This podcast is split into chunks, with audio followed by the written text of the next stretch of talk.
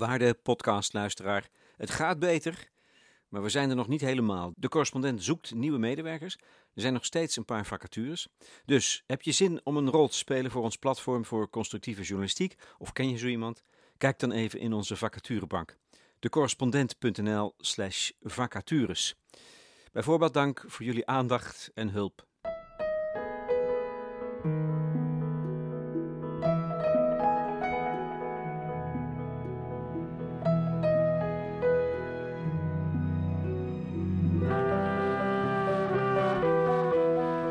Goede gesprekken bij de correspondent. Ditmaal met de antropologe Valika Smulders.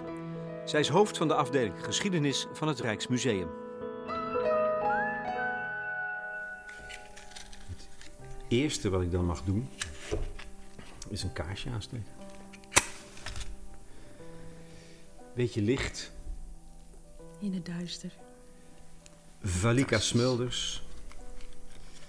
Dit is wat jij doet, hè? Licht brengen in de duisternis. Oh, wat een mooie metafoor. Ehm, ja, misschien wel. Op een bepaalde manier wel. Eh, ik ben ontzettend geïnteresseerd in onderbelichte verhalen. Dus klopt. Ehm, en tegelijkertijd, de plek waar ik nou werk, een museum, daar gaat het natuurlijk over wat je kunt zien. Ja. Maar daar vind ik het wel heel belangrijk om die twee sensoren, die twee zintuigen bij elkaar te brengen. Want wat je kunt eh, achterhalen, waar je achter komt als je luistert, is weer wat anders dan wanneer je kijkt of leest. En bij elkaar maakt dat een completere geschiedenis. Dus ehm, ja, fijn om hier te zijn bij Ja. het licht.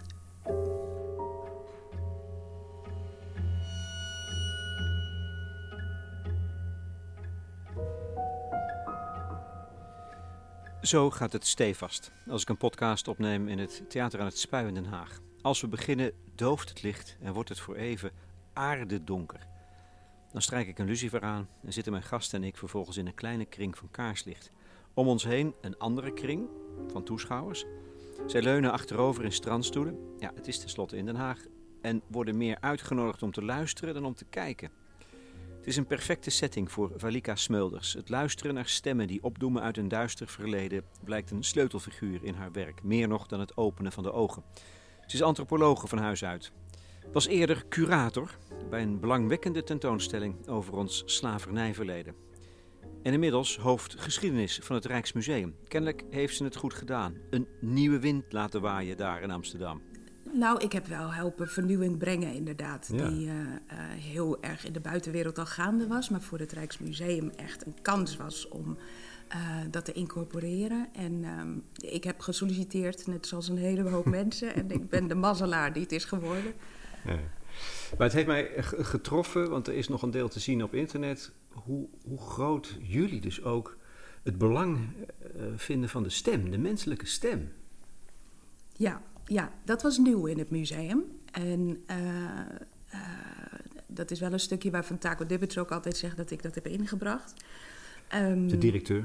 Ja, en dat komt denk ik door mijn achtergrond. Ik heb sowieso een interdisciplinaire studie gedaan, waar alles bij elkaar gebracht werd: geschiedenis en culturele studies en erfgoed. En eh, dat bestond altijd uit het kijken naar heel veel verschillende bronnen.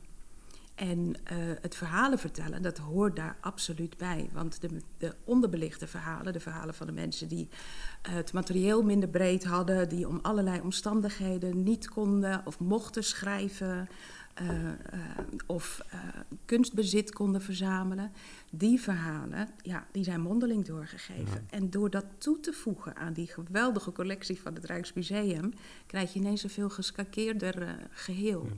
En dat heeft in de tentoonstelling enorm goed gewerkt.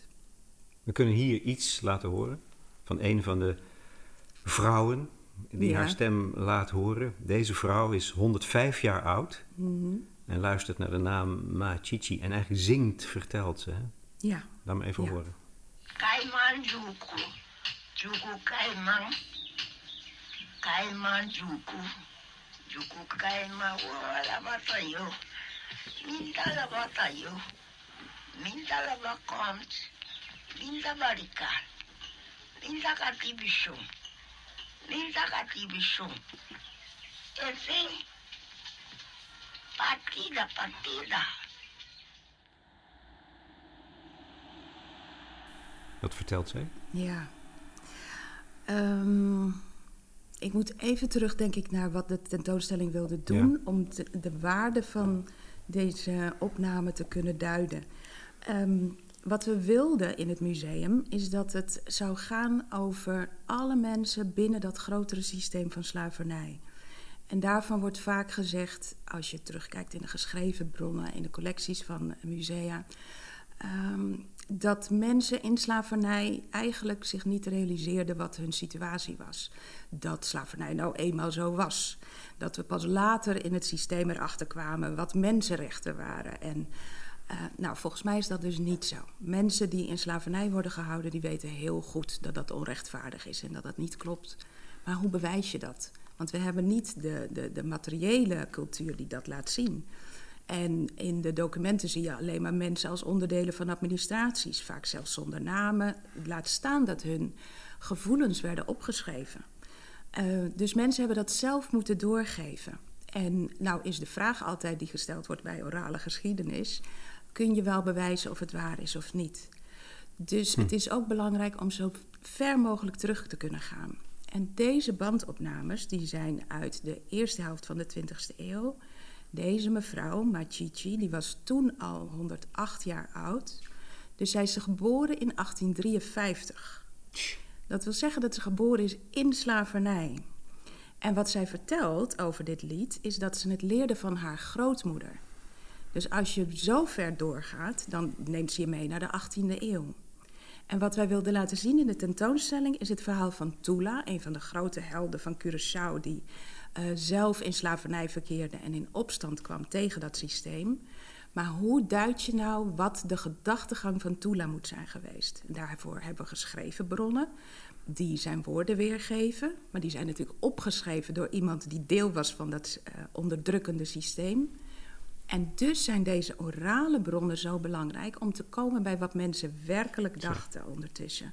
En wat zij zingt is ehm, een mengeling van talen. Dus je ziet welke talen zij machtig is en hoe zij communiceert. Ze vertelt, uh, zij zingt geen juk meer in het Luango, een oude taal die niet meer gesproken wordt. Geen juk meer. Ik was de borden niet van de meester. Ik was de kommen niet van de meester. Ik veeg zijn huis niet. Dus er zit een enorme recalcitrantie zeg maar, in, een enorme moed om te zeggen van... ik ben zijn slaaf helemaal niet. Ik ben gewoon een mens. En dat deel, dat is wat musea tot nu toe heel moeilijk konden vertellen. En wat we aan de hand van dit soort bronnen wel kunnen doen. Ik vind het aangrijpend, hè? want in die stem zit alles dus. Het Ja. is 20 seconden. Maar er zit, zo onge- er zit 400 jaar geschiedenis in. Ja, 400 jaar menselijkheid. Want dat is ook wat ik zo treffend vind. Je kunt van mensen misschien wel alles afnemen, maar niet hun stem. ja. Ja, tenzij je hun tong afsnijdt natuurlijk. Maar zolang ze kunnen blijven praten, dat, dat, dat, daar blijft iets gewaarborgd van wat menselijk is. Ja, absoluut.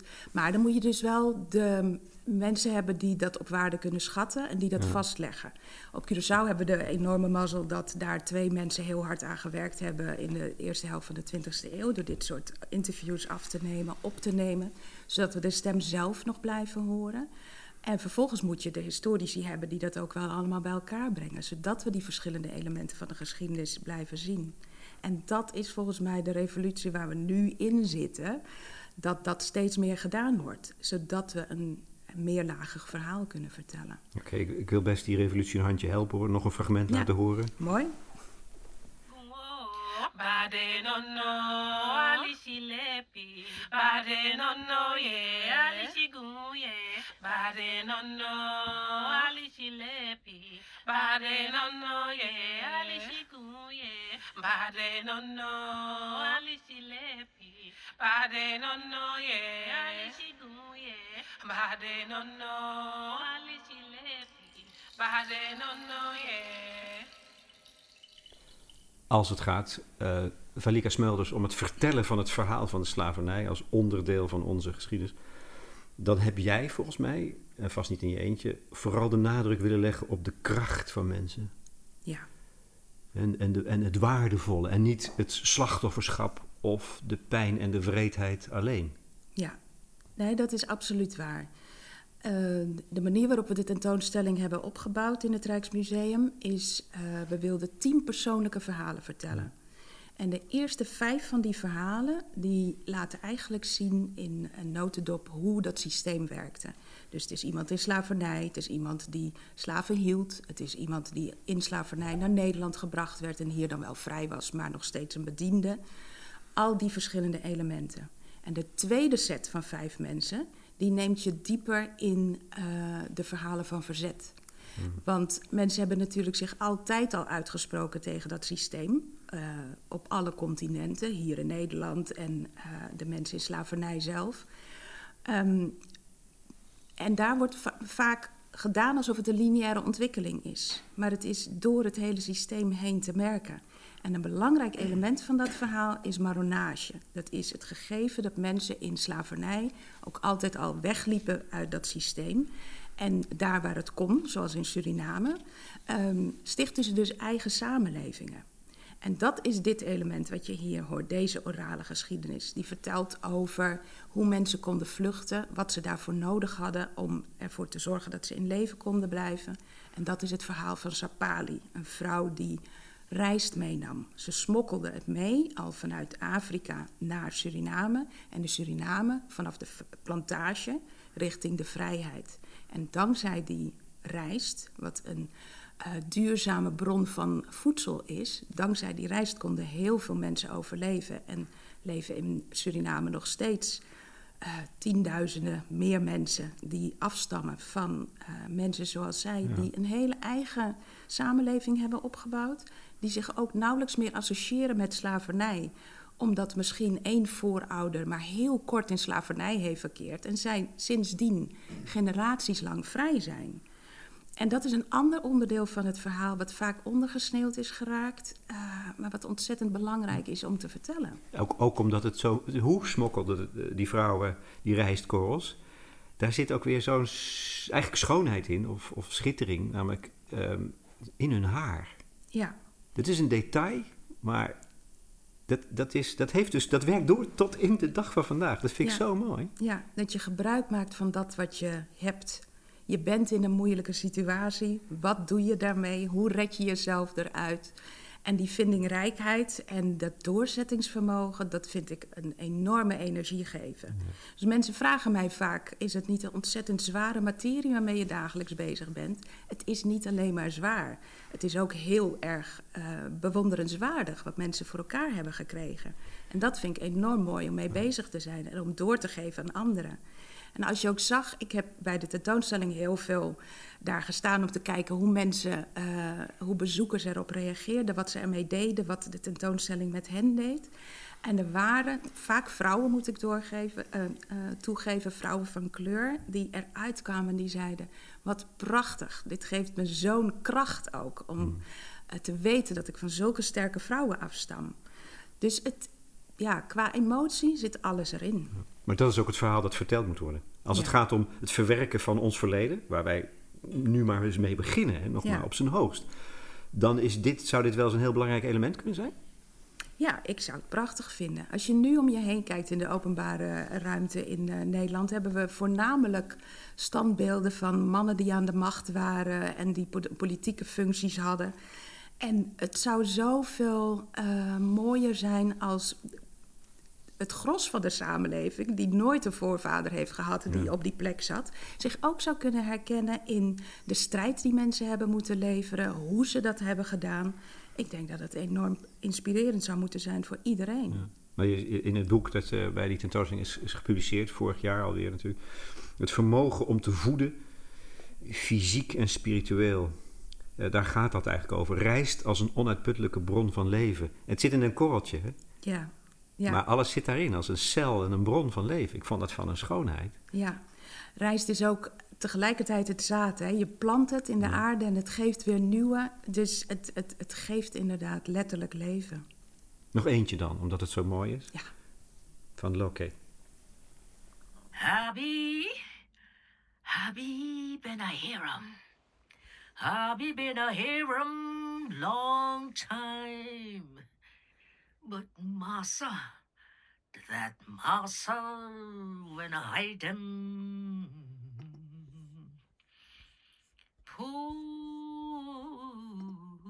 slave, poor slave. Have you been a here a long time? But massa, massa. Massa when I hide them.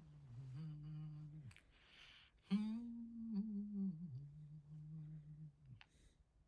Happy emancipation, and we get emancipation. Oh, we've been a free. Happy got emancipation.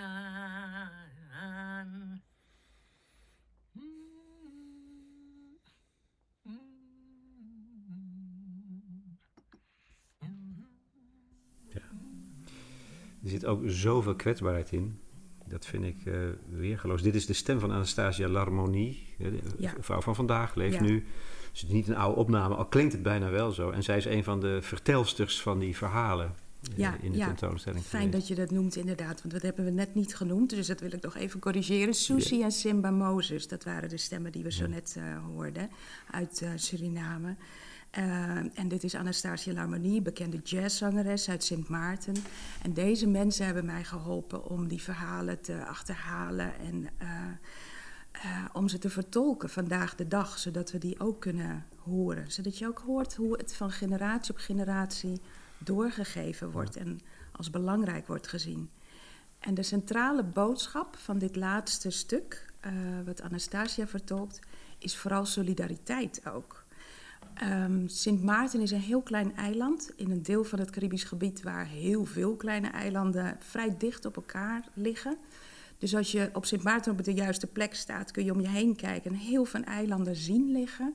En die waren allemaal bezet door verschillende Europese mogendheden. En die verschillende Europese mogendheden waren niet even snel met het eh, werken aan het afschaffen van het systeem. En dat betekende dat er eh, kansen ontstonden voor mensen om van het ene eiland naar het andere eiland te vluchten, waar de slavernij wel al afgeschaft was. En op Sint Maarten kwam dat zo dicht bij elkaar, omdat het eiland half Frans en half Nederlands was. En Frans eh, Sint Maarten was dus eerder vrij. En vanaf die moment was het, eh, dat moment was het hek van de dam. En begonnen mensen te vluchten naar Frans Sint Maarten. En in dat lied hoor je dus dat mensen zeggen: We hebben ze verstopt voor de witte meester. Eh, dus mensen hielpen elkaar. En ehm, ja, dat is natuurlijk prachtig. Je bent vijf jaar geleden begonnen, denk ik, hè, met dit grote project bij het Rijksmuseum. 2017, ja. 2017, tentoonstelling over slavernij. Had jij toen het gevoel dat je op eieren moest lopen? Ehm, nou, je kunt wel zeggen dat we sindsdien een hele ontwikkeling hebben Ja. doorgemaakt. Ja, Nou, even absoluut. terug, naar, het even ja, terug door ja. naar het begin dan. Hoe spannend was dat voor jou? Hoe, hoe- hoe- hoe- Ehm, ja. Ik heb eh, een beetje drie benen eigenlijk. Ik heb Zo. in de academische wereld gewerkt. Ik heb als freelancer gewerkt. Ik heb eh, in de institutionele wereld gewerkt, bij musea. En op al die plekken zie je dat een verschillend publiek aangesproken werd. Er waren netwerken om die organisaties heen die elkaar nog te weinig raakten. En dat was heel belangrijk om bij elkaar te brengen. Ehm, in het Rijksmuseum in 2017 eh, was nog niet eerder een slavernij-tentoonstelling gemaakt. En de mensen die er werkten, dat is ook de kracht van het Rijksmuseum, die hebben een enorme schat van kennis onder, eh, onderling. Allemaal verschillend. Want de meeste conservatoren hebben een specifiek deel van de collectie waar ze over gaan. Dus die hebben een, een geweldige schat eh, van kennis over glas of eh, over schilderijen.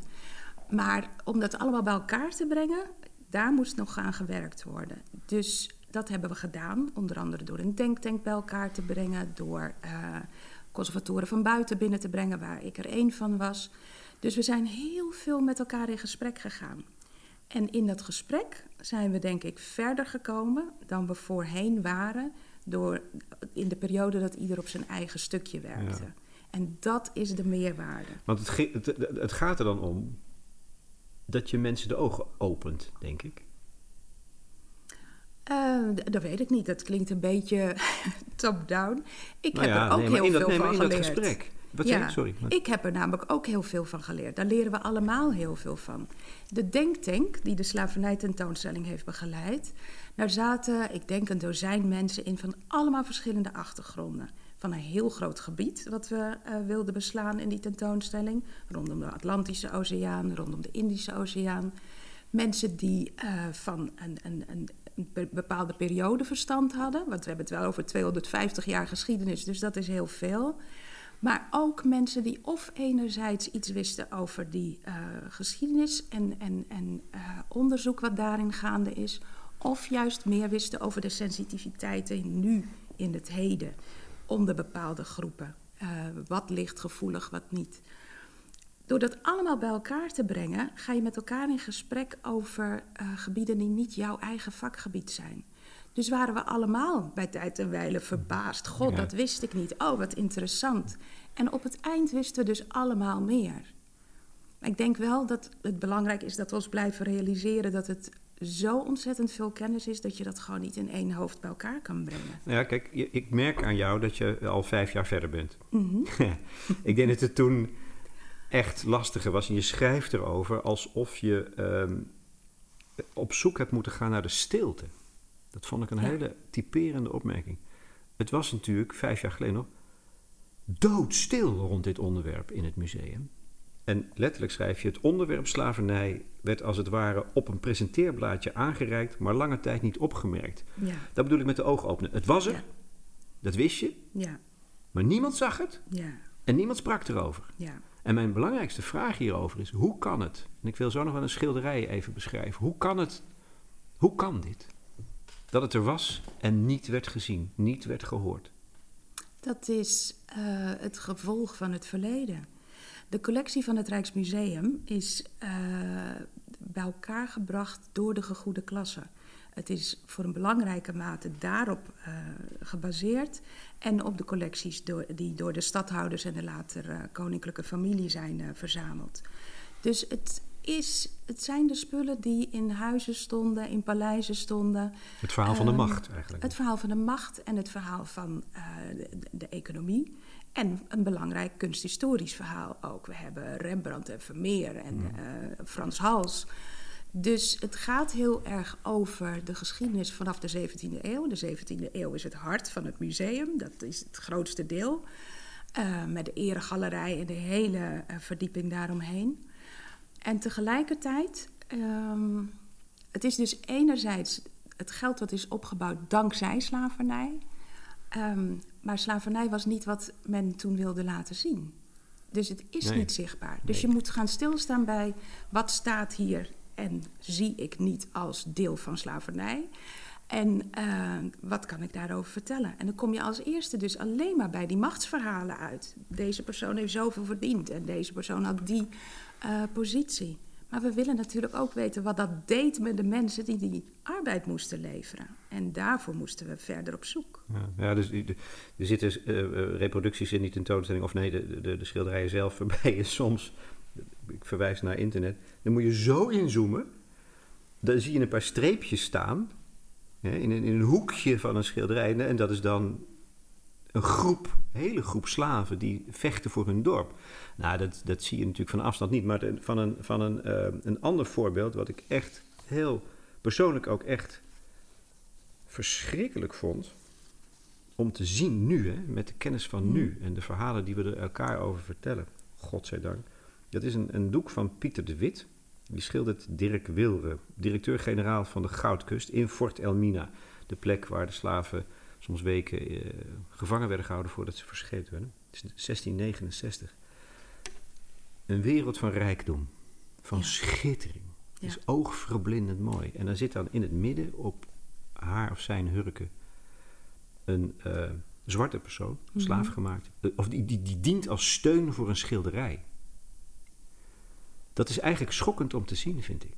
Ja, Nu, hè? ja, absoluut. Dat contrast. En dat is, dat, dat was zichtbaar geweest, maar niet gezien. Niet gezien omdat we geleerd hebben op school om de geschiedenis van die tijd te beleven door de ogen van degene die macht had. En dus wil iedereen zich daarmee identificeren. En dat gaf een, een, een, wrang genoeg nog een gevoel van trots ook. Terwijl je er nou op terug kunt kijken en denken, nou... Nou, ik vind het bijna niet te nou Ik, vind het bijna, ik kan bijna niet naar kijken. Ja, ja. En om het nog een graadje ingewikkelder te maken, als je goed kijkt op dat schilderij, staat er ook een tafel op met een klein, klein portretje en daar zie je een man van kleur op. Dus een man van gemengde afkomst. En eh, we weten het niet zeker, maar het zou goed kunnen dat dat dus was dat diegene die daarop op afgebeeld staat, dat hij ook kinderen had met een zwarte vrouw, met een vrouw uit Afrika. Dus dat die geschiedenis zich vermengt, dat mensen eh, eh, volkomen verweven raken, dat er niet twee losstaande werkelijkheden zijn, maar dat het één werkelijkheid is. Ja, dat is natuurlijk eh, wat we nu veel duidelijker in beeld moeten brengen. Waarvan we gewoon een deel van in, in het recente verleden, in de, de hele periode van de opbouw van musea, in historische boeken, hebben we maar een deel de spotlight opgezet. En dat was alleen maar macht en veroveren. En een heel erg mannelijk eh, verhaal. En nu wordt het tijd dat het veel complexer wordt, dat we dat verder in gaan vullen. Ja. Nee, ik, ik wil niet eh, mij beter voordoen dan ik ben. Hè. Dit heeft mij ook tien jaar gekost. Tien jaar gesprekken gevoerd. Onder andere voor de correspondent over dit onderwerp. En nu denk ik opeens... Hoe, en dat is misschien wel het, het achterliggende belang van eh, jou en jullie werk...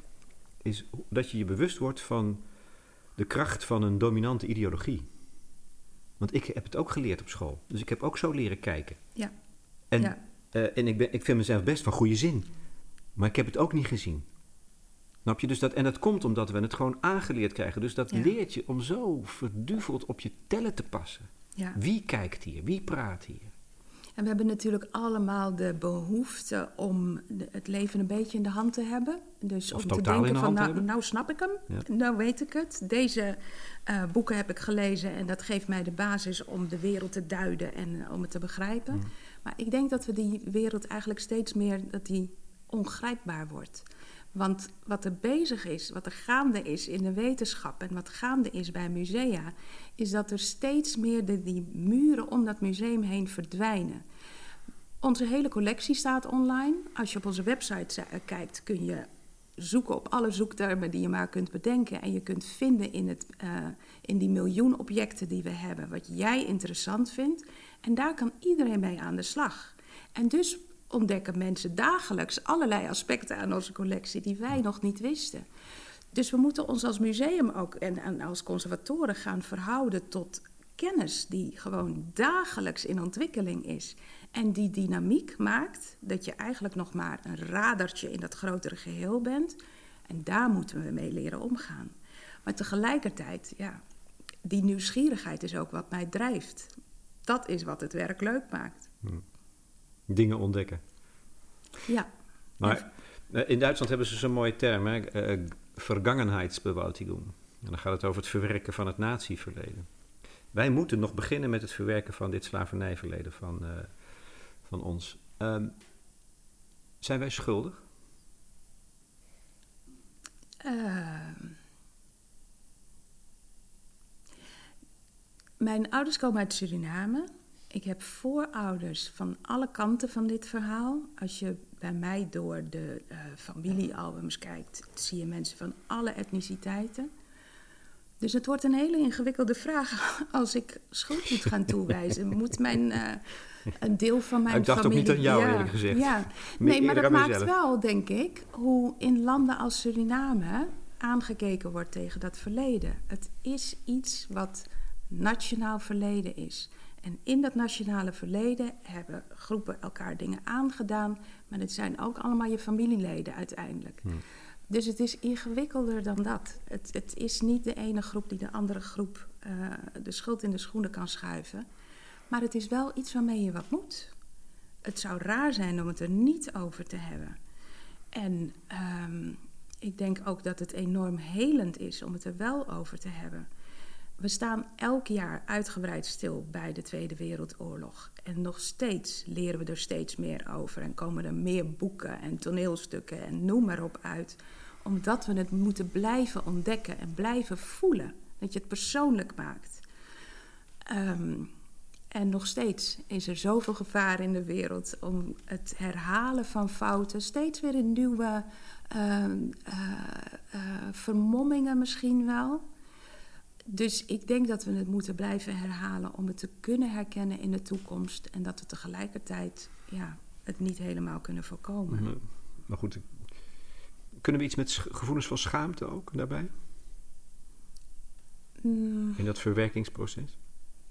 Is dat zinvol? Heeft dat...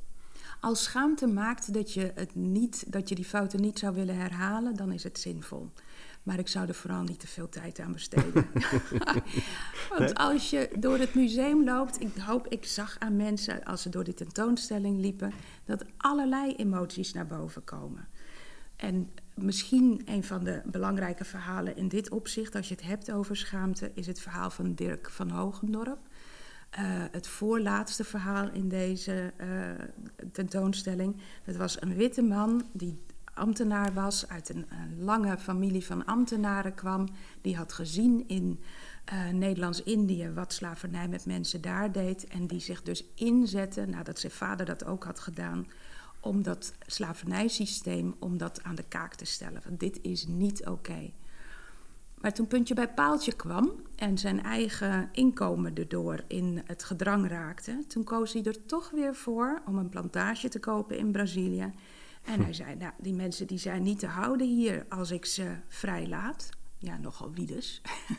maar in zijn ogen was dat blijkbaar iets raars.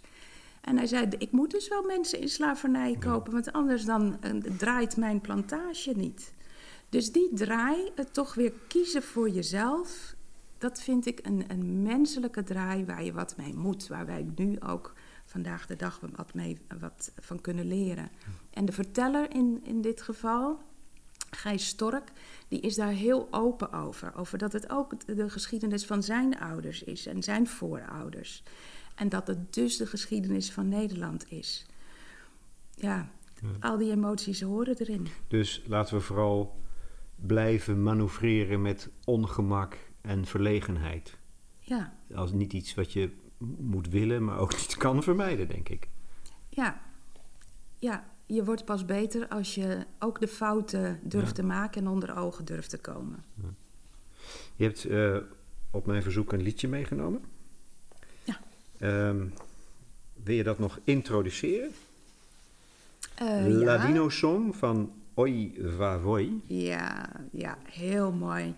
Um, Vavoy is een Britse band uh, met een uh, Joodse achtergrond. Uh, je hoort in het lied allerlei talen bij elkaar komen. Je hoort als het ware migratie door de eeuwen heen, van die groep vervolgd zijn, jezelf opnieuw uitvinden in een nieuwe omgeving en hoe dat je tekent, maar ook sterkt. En zelfs al versta je de talen niet, want ik versta het ook allemaal niet, je hoort dat het verhalende daar is. En je hoort hoe die muzikanten op elkaar inspreken. Want het is ook heel erg jazzy. Dus het wordt tegelijkertijd samengemaakt. Al die kennis, zeg maar, wordt bij elkaar gebracht.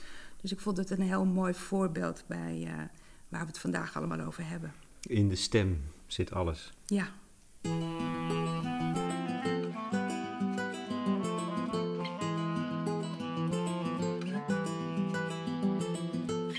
Me enamoré de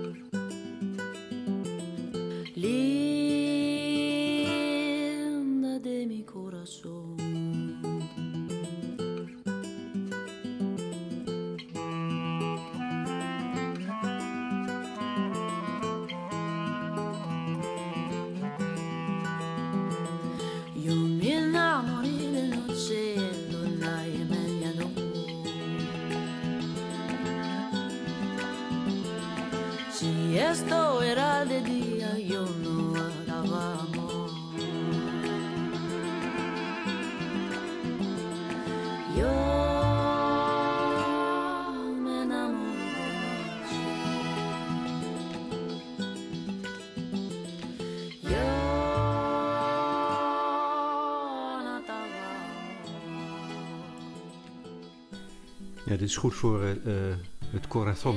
Het is hartverwarmend dit. Absoluut, hè? Ja, Ach. ja. Ik vind, Ga je weer een beetje van de mens houden. dat is wat we moeten doen. Ja, dat is nog waar ook, denk ik. Overigens heeft deze eh, LP een prachtige titel. La- je lacht. Laughter Through Tears. Kijk, dat kan tegelijkertijd. Is dat Ja. ook jouw geschiedenis? Ehm, oh, nou, dat wordt wel heel... Is dat de weg die jij hebt afgelegd? Zo voelt het niet. Nee, ik, ik denk dat ik eh, me echt rijk eh, beschouw doordat ik heel veel gezien heb, al vanaf jonge leeftijd. Ik heb de basisschool in drie verschillende landen meegemaakt. Mijn ouders die hebben met mij gereisd en sindsdien heb ik van mijn werk ook reizen mogen maken. Ik heb zoveel gezien en overal weer zie je hoe de mens, ongeacht hoe zwaar de omstandigheden kunnen worden, er toch altijd weer iets van weet te maken. En dat vind ik echt fantastisch. Ik heb voor mijn proefschrift bijvoorbeeld een paar maanden in Zuid-Afrika mogen wonen. Nou, dat mensen door zoveel ellende gegaan zijn. Eerst de koloniale geschiedenis, daarna de apartheid. Eh, toen de Tweede Wereldoorlog. eh, nou, en toen duurde de apartheid nog door. En daar maakten ze onder Nelson Mandela, de, tijd dat ik er was, eh, eh, musea van die naar elkaar verwijzen. Om aan te duiden van jongens, eh, buitensluiting is van alle tijden. Ehm, het komt in allerlei verschillende gedaanten steeds weer terug. Maar je moet nooit stoppen met daar wat aan te willen doen. En daar zijn altijd weer inspirerende figuren in. En dat vond ik geweldig om te zien. Omdat het in die tijd in Zuid-Afrika zo duidelijk en zo vooruitstrevend en dapper gedaan werd. In een tijd waar heel veel andere landen nog heel voorzichtig aan het experimenteren waren met het doorbreken van de stilte, hebben zij het gewoon ehm, heel eh, van bovenaf beleidsmatig durven doen onder Mandela omdat ze ook die lange ellendige geschiedenis hadden gehad. Omdat apartheid geïnstitutionaliseerd was, was het ook iets wat je kon afschaffen en Ja. vervolgens duidelijk in beeld brengen. Terwijl hier het negeren of het ontkennen van discriminatie en racisme natuurlijk heel lang door heeft gespeeld. Omdat mensen konden zeggen, nee joh, dat gebeurt in Nazi-Duitsland of in Zuid-Afrika of in Amerika onder de Jim Crow laws, maar nooit hier in Europa. En eh, daarom doen we het hier allemaal veel voorzichtiger en langzamer. Ehm, en ja, daarom was het heel mooi om in Zuid-Afrika te zijn om te zien hoe het ook kan. Ben jij woke? Nou, je hoort de reacties om je heen. er wordt besmuikt gelachen hier in het theater. Ja, Ehm, ik vind het een heel raar concept, woke. Als het betekent dat je je bewust bent van ongelijkheid en daar wat mee wil, ehm, ja, dan ben ik het. En dat kan ik niet helpen, want ik werd al, wat ik net zei, op jonge leeftijd door mijn ouders eh, meegenomen naar gebieden waar je dat heel duidelijk kon zien. Dat ongelijkheid alles te maken heeft met de koloniale geschiedenis. Welke gebieden? Het Caribisch gebied. Ehm, daar zie je armoede, daar zie je dat het bepaalde groepen zijn die in armoede leven en andere groepen die de, de, eh, de regels maakten. Ehm, dus ik, Dat heeft je ook de ogen trend- geopend al. Zo voor, want je was als mij, volgens mij ging je heel vroeg met je ouders mee naar vanuit Cura- Nederland Curaçao. eerst naar Suriname en Ja. toen naar Curaçao inderdaad.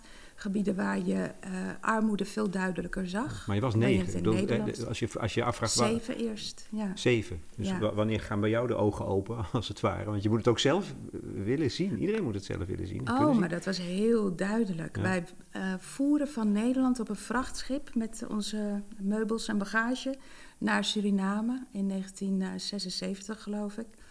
Ik was zeven en eh, dat vrachtschip dat deed in het Caribisch gebied een heleboel eilanden aan.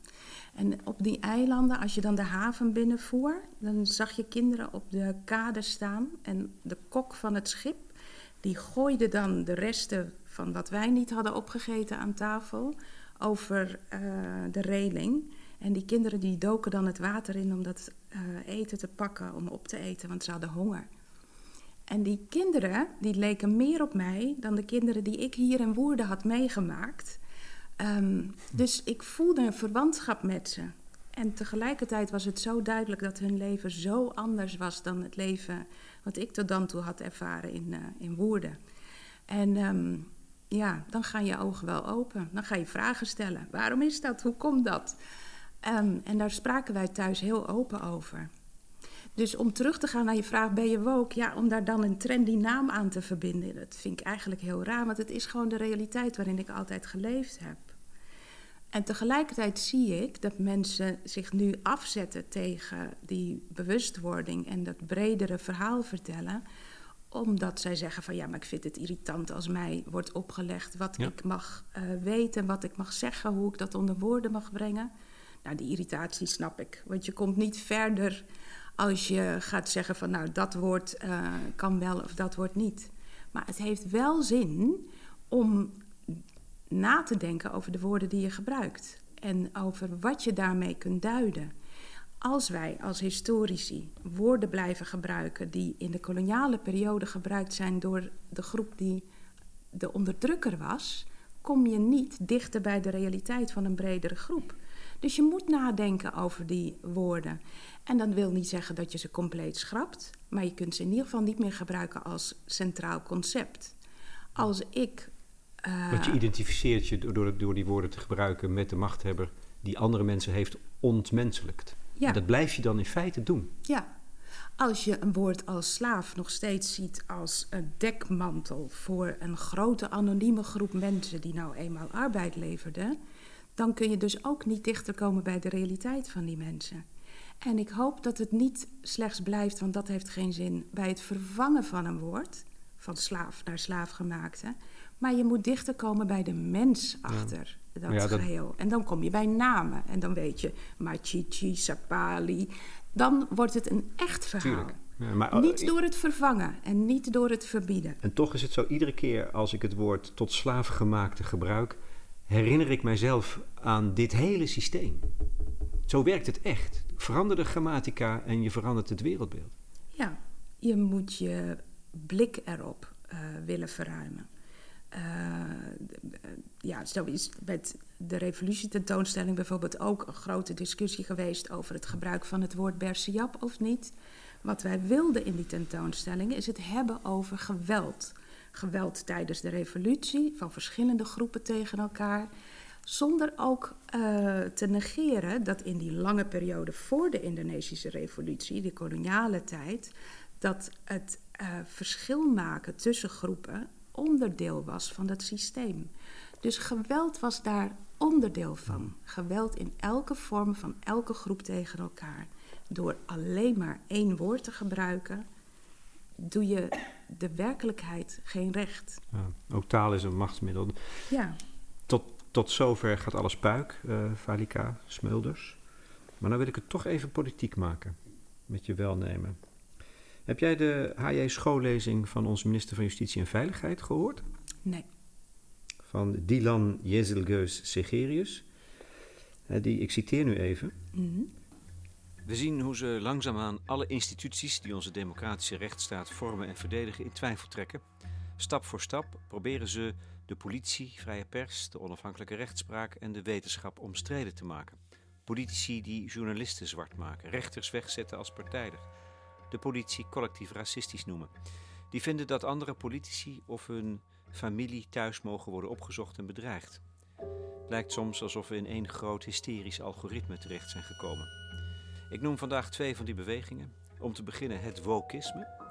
Een beweging die is overgewaaid uit de Verenigde Staten. Ik heb het hier expliciet niet over emancipatiebewegingen die pleiten voor gelijke rechten en inclusie. Die hebben uiteraard mijn steun. Waar ik mij zorgen over maak, dat zijn de stromingen die zich richten op het tegenovergestelde, op uitsluiting.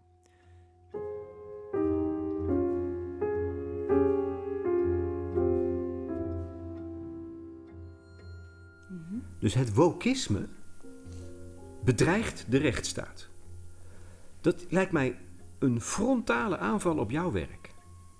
Van de minister van Justitie en Veiligheid. Oké. Okay. Um, ehm, Laat me dan vertellen hoe het eraan toe gaat in het museum. Ik denk dat uh, wij hebben uh, uh, een groot aantal conservatoren, wat ik net al vertelde, met allemaal verschillende achtergronden, allemaal verschillende vakgebieden. En als wij iets willen doen bewegen in het museum, dan gaat dat nooit op grond van het werk van één zo'n persoon. Daar gaan we heel veel over praten. En op dat moment gebeurt er iets, dan komt er beweging. En het is nooit het voorstel van één persoon op zich, maar het is uiteindelijk altijd een, een soort compromis tussen wat iedereen heeft ingebracht. En natuurlijk heeft het de ene keer wat meer van uh, de een en de, de, andere keer wat meer van de ander. Maar het is nooit het uh, omverhalen van iemands vakgebied. Hm. Het is altijd daar verder op gaan. Als ik het duidelijk mag maken aan de hand van een voorbeeld. Wij hebben vanaf de slavernijtentoonstelling in de vaste opstelling tijdelijk extra borden geplaatst om de uh, schilderijen en de objecten niet alleen toe te lichten vanuit het verhaal wat altijd al over ze werd verteld. Wie heeft dit geschilderd? Wie was de bezitter van dit stuk? Maar ook te laten zien wat het te maken had met de plantage-economie, met het koloniale systeem vanuit de politiek gezien.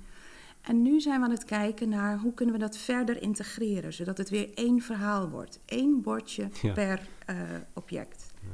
En dus denken we daarover na. En daar halen we allemaal uh, collega's uh, bij. En dan staan wij voor zo'n stil leven onlangs bijvoorbeeld. En het voorstel vanuit degene die aan de slavernij-tentoonstelling hadden gewerkt... was om het meer te hebben in dat stil leven. Het is een tafel met allerlei uh, heerlijke gerechten erop... om het meer te hebben over de specerijen die ja. kwamen uit Nederlands-Indië... en wat dat te maken had met slavenarbeid. Hm. En toen zei de schilderijenconservator: Ja, maar wat ik eigenlijk hier zie is een enorme kalkoen. En die kalkoen die was er ook niet geweest als die koloniale periode er niet was geweest, want die komt uit de Amerika's. En ineens draaide dat hele schilderij voor iedereen die daarvoor stond. En gingen we tellen van, oké, okay, maar wacht even.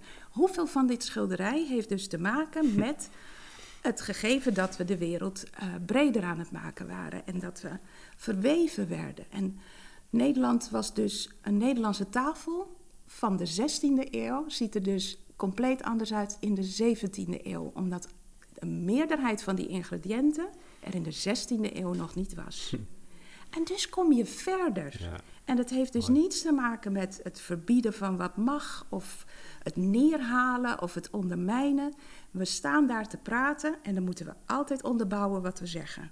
Het is niet zomaar een mening. Het is iets wat je moet onderzoeken en moet kunnen verdedigen. En in gesprek komen vervolgens tot een compromis. Ja, maar dit vind ik, dit vind ik volkomen uh, uh, overtuigend en integer. En het heeft iets ontroerends dat het zo, zo werkte. Het kijken. Mm -hmm. Want het kan. Je kan de blik veranderen en het wereldbeeld ja. daarmee. Maar even terug naar de minister. Dat is toch. Daar spreekt de macht. En die zegt tegen mensen die bezig zijn met emancipatie, of ze het nou heel zuiver doen en slim doen of niet, terug in jullie hok. Dat vind ik zo erg. En, en dat is nog steeds, met, met alle respect, natuurlijk de strijd die gevoerd moet worden. Of wil je daar niet over nadenken, of niet over hoeven nadenken? Of nou ja, ik heb al uh, genoeg te doen nee, natuurlijk dat, vanuit wat ik doe. Ja. En wat ik denk is, um, wat nou zo belangrijk is, is dat je ziet dat die muren van de musea naar beneden gaan en dat het allemaal bij elkaar gehaald wordt. Dat die hoogleraren in gesprek gaan met activisten bij ons op zaal, met de conservatoren. Dat het allemaal tegelijkertijd gebeurt. Dus we zitten niet allemaal vanuit onze bubbels te dicteren wat belangrijk is en wat mag en niet. Maar we moeten er juist samen komen. En dat is het werkelijke gesprek wat wij ja. vandaag ook hier doen.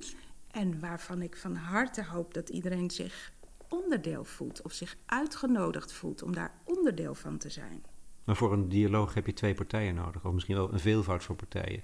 En, wat is, en uh, het probleem ontstaat op het moment dat, dat sommige mensen niet mee willen doen aan het gesprek. En daar zitten wij, denk ik, nu. Dat, het, dat dat lijkt te verharden.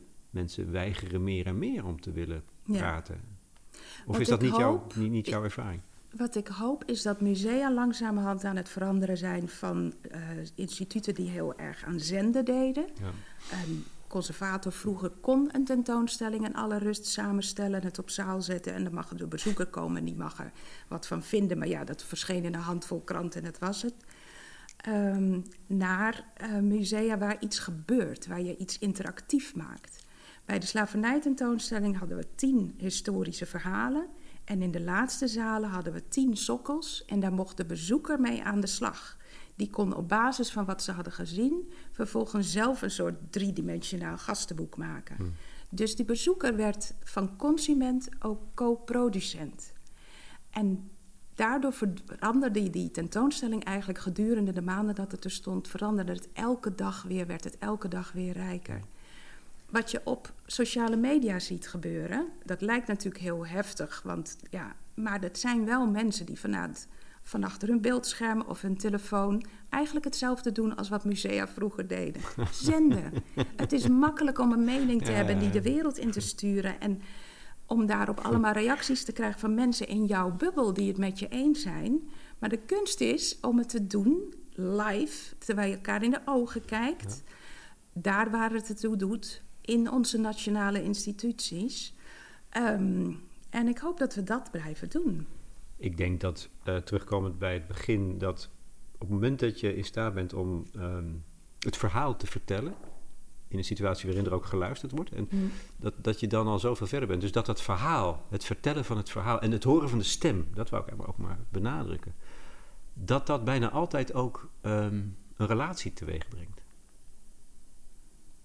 Ja, Is, of Ja. is dat niet zo? ja. Nee, dat ben ik heel erg met je eens. En ik denk ook dat dat het moeilijkste deel van het verhaal is.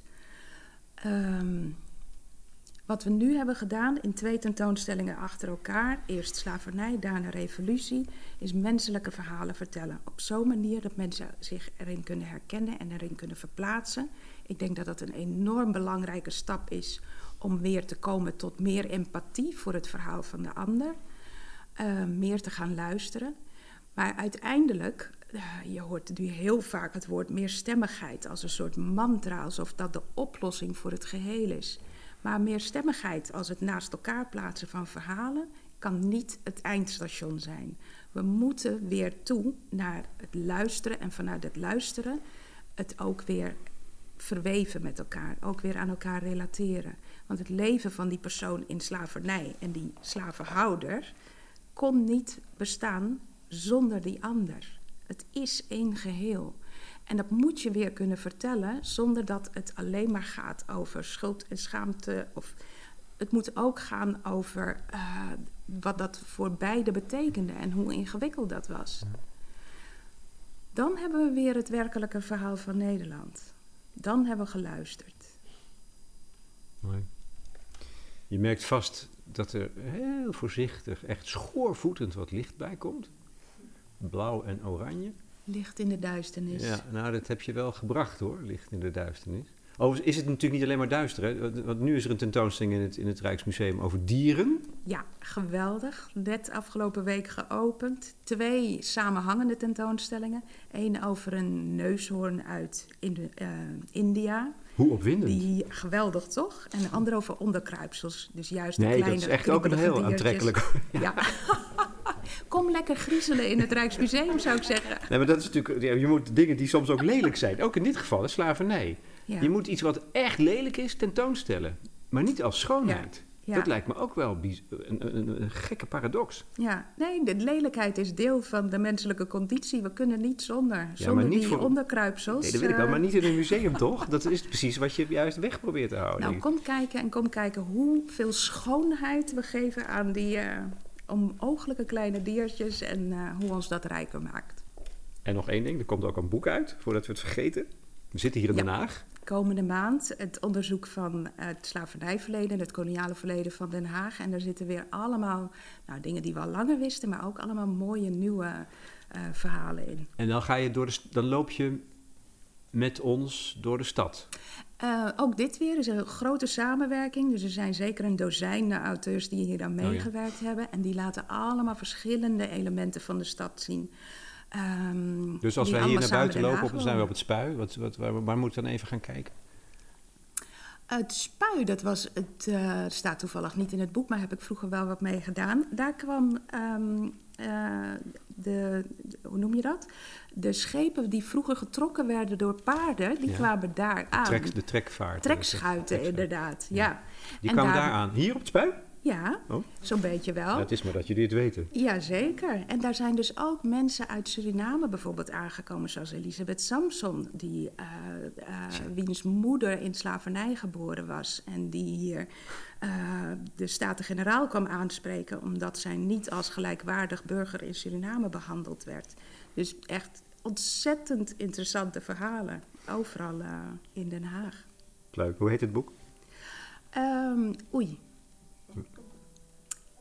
Oh, het wat erg. Nee, het heeft een titel, denk ik. Ja, vast. Eh, volgens mij het koloniale en slavernijverleden van Den Haag. Oké. ja, overigens, er één ding wat, me, wat ik net had willen vragen. En dan kijk eens of, het- of er nog bij de omstanders ook nog wel vragen leven. Van, als je zo'n leven hebt geleid, hè, vanaf jongste, eh, de jongste jaren. Van ver- verschillende plekken, verschillende landen. Van hier naar daar, verschillende werelden. eh, Die botsten op elkaar. Hoe komt het nou dat jij niet ontworteld bent? Ehm, is een leuke laatste vraag, hè, ja. Oh, nou, dat is een hele leuke.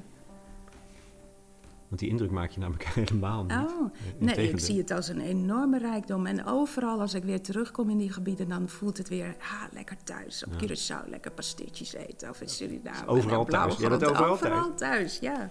De wereld is mijn thuis, dus eh, die wortels heb ik overal. Nou, ik hoop dat je hier ook thuis hebt gevoeld. Dank je wel. Ja, zeker. Jij bedankt. Ja. Ontzettend bijzonder gesprek.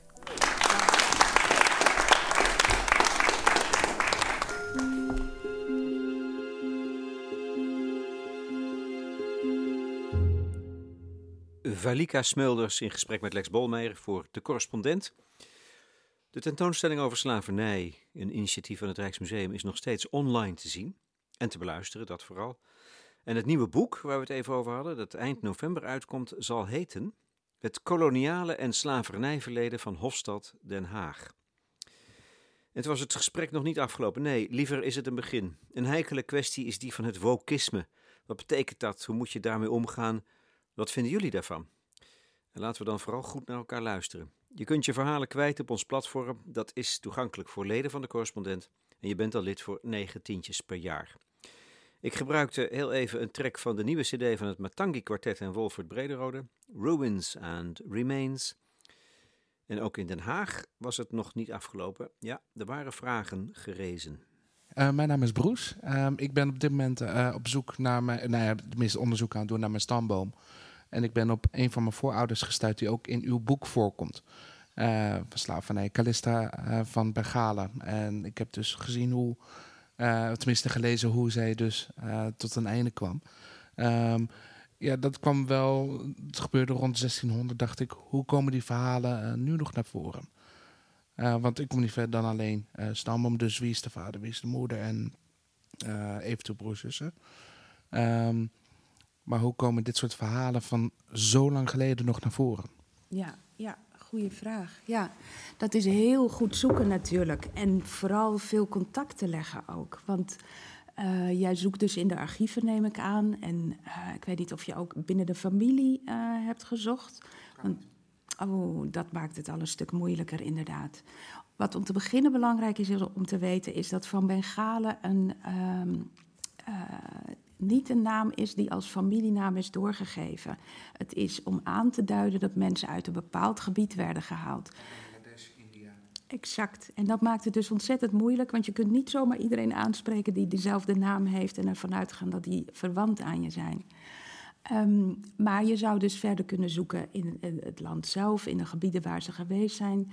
Eh, mensen die meer weten over de orale traditie. En door al die verschillende type bronnen bij elkaar te brengen, ehm, zou je dus verder kunnen komen. Overigens, het boek waar ik net over had, daar komt ook, eh, ook weer mensen met die naam van Bengalen in terug. Want ook hier in Den Haag waren mensen van Bengalen. En aan de hand van die mensen eh, vertel ik dat mensen die als bedienden naar Den Haag zijn gekomen, ook ehm, echt via de kerk, zeg maar, werd dus het geloof opgelegd, werd hen opgelegd hoe ze dienden te leven en eh, eh, wat dat met hen deed. En in dit geval waren het mensen die daar niet zo blij mee waren en ehm, dus weer terug wilden gaan naar hun land van herkomst. En wat er dan gebeurt. Eh, Maar je, je nee. wil nu het onderzoek Nee. ook Ja. al eh, starten, begrijp ik, hè? Maar ik denk dat je het even met, jou, met het antwoord van Valika op zult moeten doen. Maar hierna, hierna bij de Ja. Borrel kan natuurlijk nog veel meer eh, besproken worden. Is er iemand anders die eh, een prangende vraag heeft of een persoonlijke vraag? Nou, ik ben wel benieuwd wat jij als eh, de grootste blinde vlek van Nederland ziet. Of wij Nederlanders zien als het gaat om eh, het kolonialisme en hoe we met elkaar verder kunnen komen. Mooie vraag, de grootste blinde vlek. Ehm, misschien wel waar we het vandaag over gehad hebben. Dat geschiedenis iets zou zijn wat je eh, trots zou moeten maken. Dat geschiedenis iets, een romantisch verhaal zou moeten zijn. En dat dat dan klopt. Ehm, en dat klopt in geen enkel geval. Ik denk dat je nergens eh, verhalen kunt treffen waar het eigenlijk alleen maar gaat over één succeslijn. En toen werd eh, die persoon gekroond en ze leefde nog lang en gelukkig. Dat gaat nou eenmaal niet. Dus als we daar gewoon vrede mee hebben, ehm, dan komen we denk ik wel een heel, heel groot stuk verder. Ja. Ik ben Nathalie Pengelwong en ik ben 88 jaar. En het is dus de eerste keer dat ik in zo'n post... Hoe heet dat ding? Podcast. Live podcast. Live podcast verzeild ben. Voor mij ook de eerste keer. Kijk eens aan.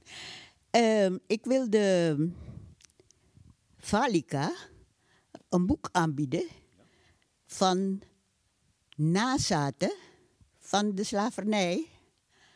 En mijn man is een van de nazaten die, eh, waarvan de voorouders eh, in slavernij eh, geleefd hebben. En na de slavernij hebben ze dus de plantage gekocht. En die plantage is nog steeds bewoond. En ehm, ik kreeg een achterkleinkind. En toen kreeg ik een stamboom cadeau van een vriendin. Toen dacht ik van, hé, hey, dan gaan we verder zoeken. En we zijn nu gegaan tot 1793. En we hebben negen generaties onderzocht van mijn man en negen van mezelf. En dat boek wilde ik aan Valika geven. Ik denk niet dat je daar bezwaar tegen hebt, Valika. Nee, absoluut Nou, niet. komt-ie. nee. Want is het een, een familiegeschiedenis. Wauw. Nou, hier komt niemand meer overheen, denk ik. Het is de missie van de correspondent om voorbij de waan van de dag te gaan. Onze correspondenten voorzien het nieuws van context en schrijven over de grote thema's van deze tijd. De correspondent geeft me de vrijheid om mijn nieuwsgierigheid te volgen en de tijd om verhalen te schrijven. En zo probeer ik onzichtbare structuren zichtbaar te maken en een andere kijk te bieden op debatten die het nieuws domineren. Dan gaat het minder over het spelletje en veel meer over wat er op het spel staat. Vanaf dag 1 zijn onze artikelen, boeken en podcasts gefinancierd door onze leden. Volg ons op onze journalistieke zoektocht. Overweeg eens lid te worden van de correspondent. En maak daarmee samen met ruim 70.000 anderen onze onafhankelijke journalistiek mogelijk. Dus word lid van de correspondent. Ja. Word lid. Word lid.